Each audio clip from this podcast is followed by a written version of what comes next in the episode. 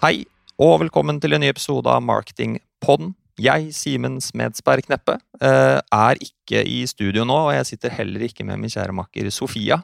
Jeg har nemlig tatt turen opp til Forskningsparken. Eh, med meg har jeg fått med meg min kjære kollega Mathias. Velkommen til deg. Takk, takk. Takk for det. Og vi skal jo snakke litt om noe vi eh, egentlig ikke så ofte snakker om, eh, nemlig kunstig intelligens. Vi skal snakke litt om AI.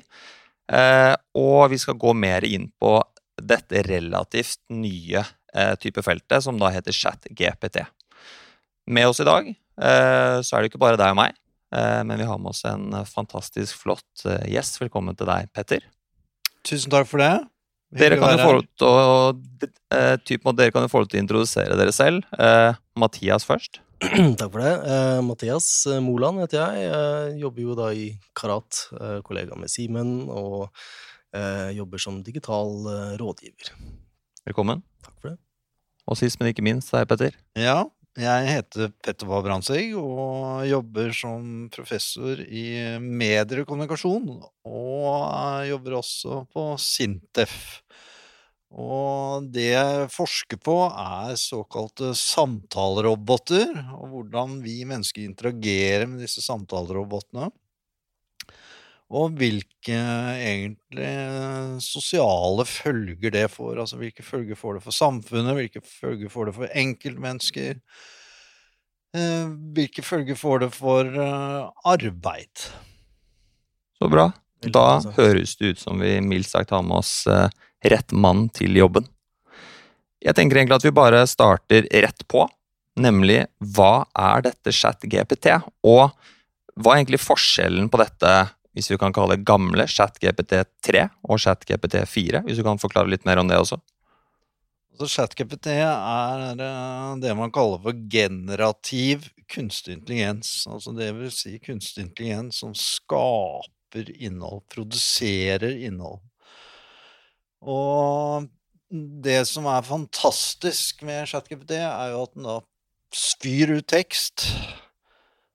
Menneskelik tekst, og du kan også ha en samtale med den gående egentlig i det uendelige om ulike temaer. Fordi den har samlet uh, og blitt trent på hele det amerikanske Wikipedia. I tillegg til at den har blitt eh, lært opp av bøker som ligger ute, forskning som ligger ute, og sosiale medier sånn som Reddit, Facebook, kommentarfelt i aviser osv. Og så kom eh, GPT4, som er altså en fjerde generasjons språkmodell nå her om dagen. Og den er, eh, til forskjell fra GPT3,5, som ligger i den gamle ChatGPT, så er denne multimodal i den forstand at den tar inn over seg flere medier, bilder, lyd og den type ting. Eh, I tillegg så er det litt større uklarheter hva den egentlig er trent på, men den er nok trent på mye av det samme som den gamle utgaven av ChatGPT, men de har valgt å ikke være åpne om det, selv om det heter OpenAI. Og antagelig, eller de sier at dette er av sikkerhetsmessige grunner. De sier også at det er av eh, forretningsmessige grunner. Men mange spekulerer jo også om at det er andre grunner som også ligger til grunn, nemlig at disse språkmodellene de skraper store deler av internett, inkludert copyright-materiale, og at de ved å ikke si hva de har skrapet, så betaler de heller ikke alle disse innholdsprodusentene der ute som har laget innhold som da går inn i denne modellen. Så det er en del som er sinte på ChatGPT, eller OpenAI. Spennende. Ja. Altså, eh, på 90-tallet så hadde man startsiden, og på 2000-tallet så var internett Google. Mm. Eh, hva er internett, og hvordan er bruken av internett annerledes med chat-GPT? Hvilke følger får det? Altså når ChatGPT ble lansert den 30. november 2022, så skapte jo det store bølger, og man hadde jo krisemøte på Google, Code Red, fordi man var engstelig for at uh, ChatGPT skulle da bli den nye inngangen til internett. Google har på en måte vært motorveien inn til internett i uh, veldig, veldig mange år, og er jo den søkemotoren som brukes av over 90% av internettbrukerne verden over. Så Google er jo nervøse da for at internett nå skal endres, eh, og at folk skal heller gå til ChatGPT, for det du gjør når du søker på Google, er jo at du får masse søkeresultater, og så må du gå på en måte manuelt inn på hver eneste søk for å se hva som er fornuftig av innhold. Mens på ChatGPT så kan du bare stille spørsmål, ganske komplisert spørsmål med et eller annet tema, så får du sammenfattet kunnskapen på det feltet ganske presis, ganske godt. Som gjør at det blir mye mer brukervennlig, mye mer tilgjengelig. Sånn at uh, Google har jo da satt farten i gang på å lage en lignende ChatGPT-variant som kom faktisk i går. Mm. Eh, og den er ikke tilgjengelig i Norge ennå, men uh, The Guardian hadde en lang artikkel om den i, går som jeg leste, og det de sier, er at uh, den varianten er veldig kjedelig sammenlignet med ChatGPD. Fordi det er så mye sikkerhetsfiltre at uh, for den er så redd for å svare feil at den svarer veldig generelle vendinger. Sånn at du får litt følelsen av å snakke med en politiker som ikke tør å love noen ting. Uh, har, du det, noe, har, du noe, hypotese for akkurat det? Hvorfor altså, gjør Google det på den måten? Det er fordi uh, Google har jo store markedsandeler uh, på internett. Uh, og hvis de på en måte driter seg ut her sånn, med at det blir masse feil og feilinformasjon, så kan de miste ryktet sitt som en uh, ja, en uh, troverdig aktør, da. Mm. mens ChatGPT var det ingen som visste om, ikke hadde noen forhold til, så de kan jo tørre å eksperimentere mer, for de har ikke så mye å tape. Mm. Så det, det, er nok grunnen. Mm. Og jeg vil jo også tro at eh, med tanke på dette her kommer jo til å måte, endre måten vi måte, søker på. Eh, det kommer til å endre måten vi tilegner oss informasjon på, og derfor også eh, vil jo mest sannsynligvis også endre måten vi egentlig både uttrykker oss på, og ikke minst sånn kreativiteten. Kan du si noe om det? Ja, altså det, det, man har brukt internett til eh, egentlig alle år, er jo som du sier, ikke sant eh, Vi søker informasjon. Eh, eller vi prater med andre mennesker. Men her, eh, med denne generative AI-en, da, som ChatGPT er, så snakker man jo med teknologien. Man har en samtale med teknologien, så teknologien går i mye større grad fra å være det jeg det man før liksom har, man har tenkt på teknologi som et verktøy. Mens nå begynner man å tenke teknologi mye mer som en partner, en coach, eh, en psykolog. Mm. Eh, fordi folk blir jo også venner med disse chatbotene, og etablerer vennskap med dem. Intime relasjoner, til og med.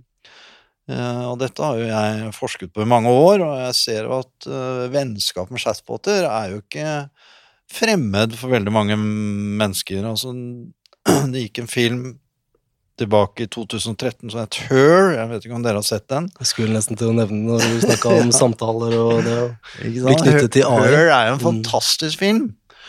Eh, hvor uh, Scarlett Johansen spiller denne chatboten. Uh, og det er en mann som skiller seg og, fra kona si, og så innleder han en relasjon til denne chatboten. Og så går hjertet hans i tusen knall, så han skjønner at denne chatboten har jo et forhold til hundretusener andre mennesker. Og sånn at det, det er jo det som skjer nå, at vi begynner egentlig å få relasjoner til maskiner da, i mye større grad. Altså vi får en mye tettere interaksjon med maskinen, og vi legger egentlig mer og mer av ansvar i hendene på maskinen. Vi får det til å skrive, vi får det til å eh, løse oppgaver og kognitive oppgaver. Ikke sant? Den griper inn i det dypt menneskelige, på en måte. Mm. Ja, som du sier, så kan det jo være øh, vanskelig å skille mellom øh, menneske og, og maskinen når man ser dialog mellom chat-GPT og, og når man da sitter og skriver inn spørsmål. Det du tenker på, er forskjellen mellom menneskeskapt og maskinskapt Ja, innhold. Ja, det er- Ikke sant? Ja. Og det, det er jo en utfordring, ikke sant. Hva er det menneskeskapte, hva er det maskinskapte når vi skaper innhold sammen med maskinen? Altså, for det er jo vi som gir kommandoer til maskinen.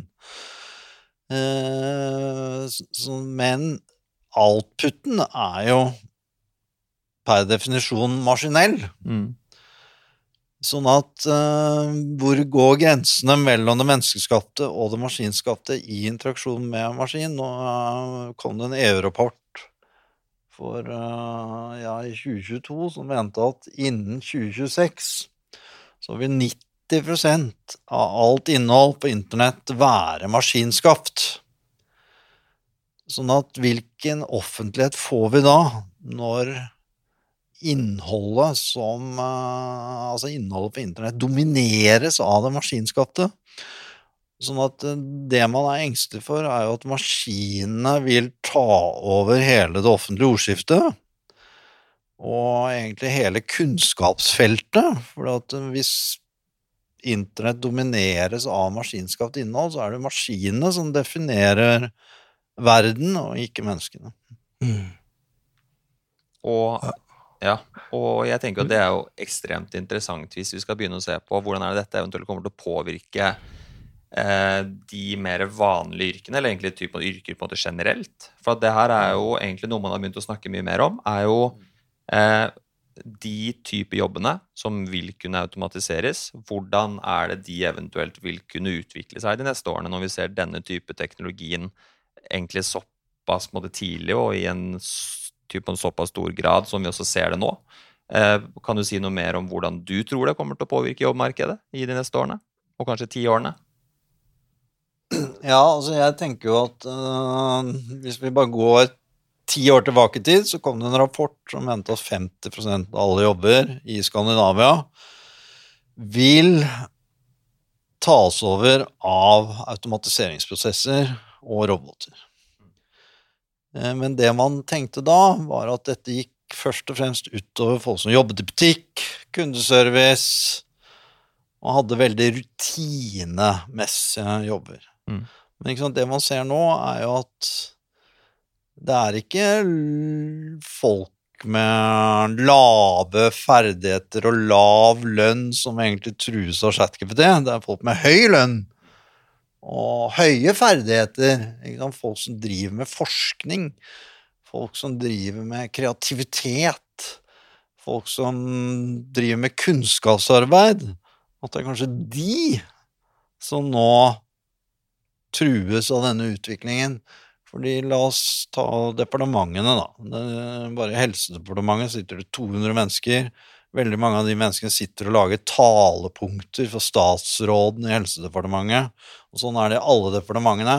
Altså Det kan være at ChatGPT tar over mange av disse rollene. Ikke sant? Lager de talepunktene til eh, statsråden.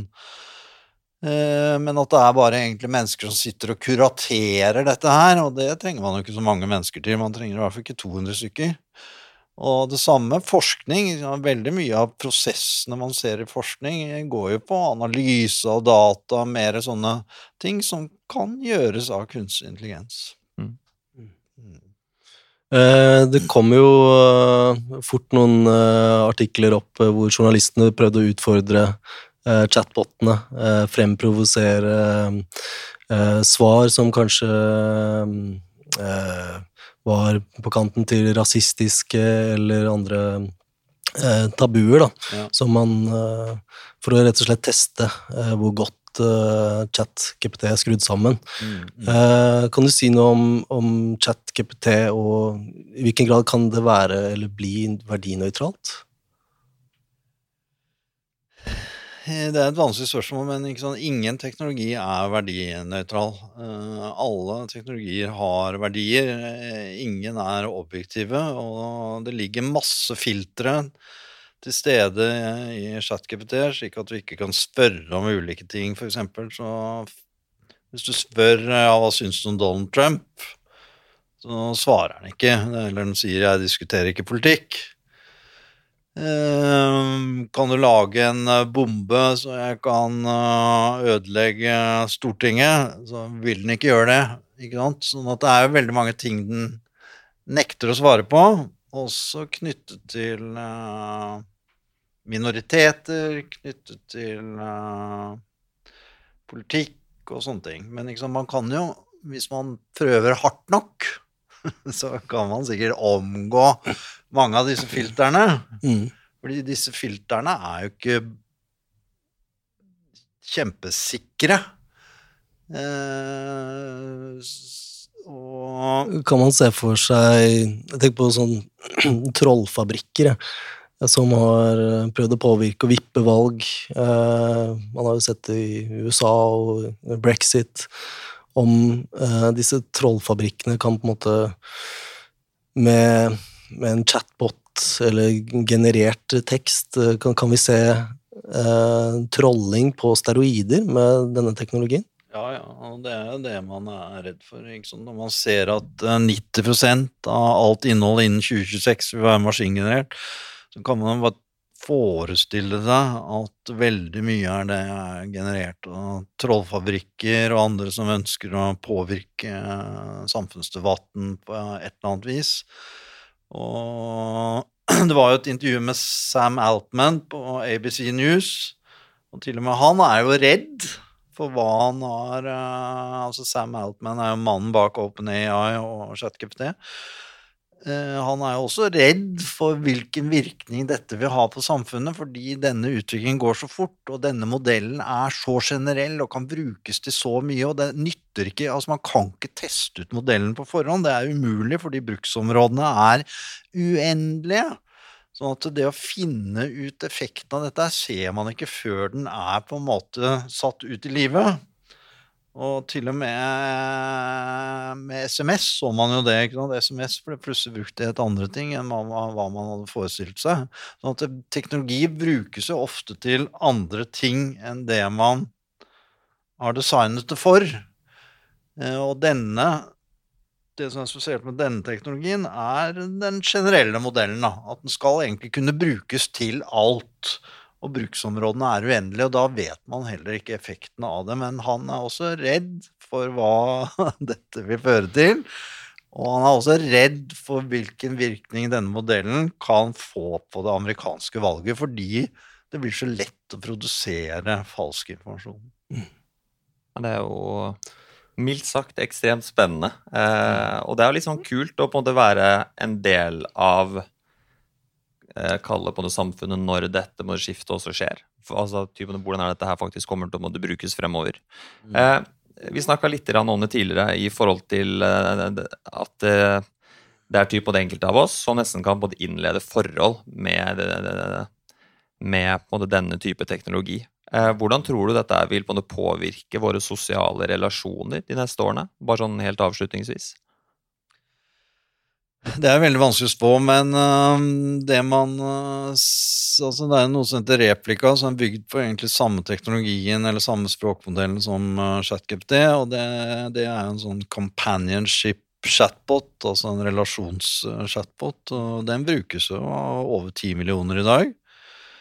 Eh, og da er det folk som har utvikler vennskaper, da. Og man kan til og med ha en sånn augmented reality-greie med at man uh, har en avatar som man kan flytte inn i det fysiske rom. Sånn at folk sitter og spiser frokost med avataren sin på morgenen, for eksempel. Mm. Uh, sånn at dette Altså, i, i uh, England så har man jo nå Man hadde i hvert fall en sånn egen ensomhetsminister. Fordi ensomhet er jo på agendaen nå. Og liksom flere, vi vet jo det at flere og flere mennesker bor alene. Eh, flere, og men, flere og flere mennesker eh, jobber hjemme.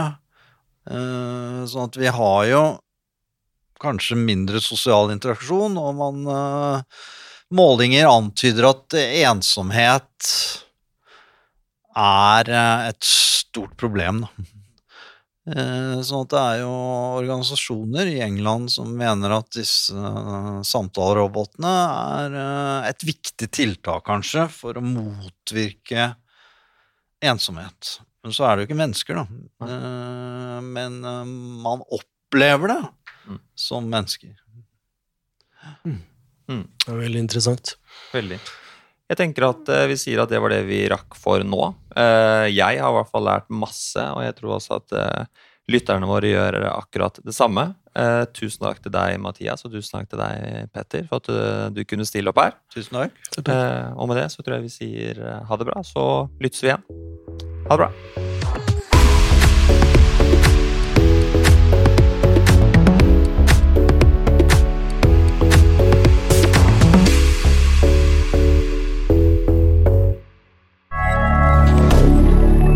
moderne media.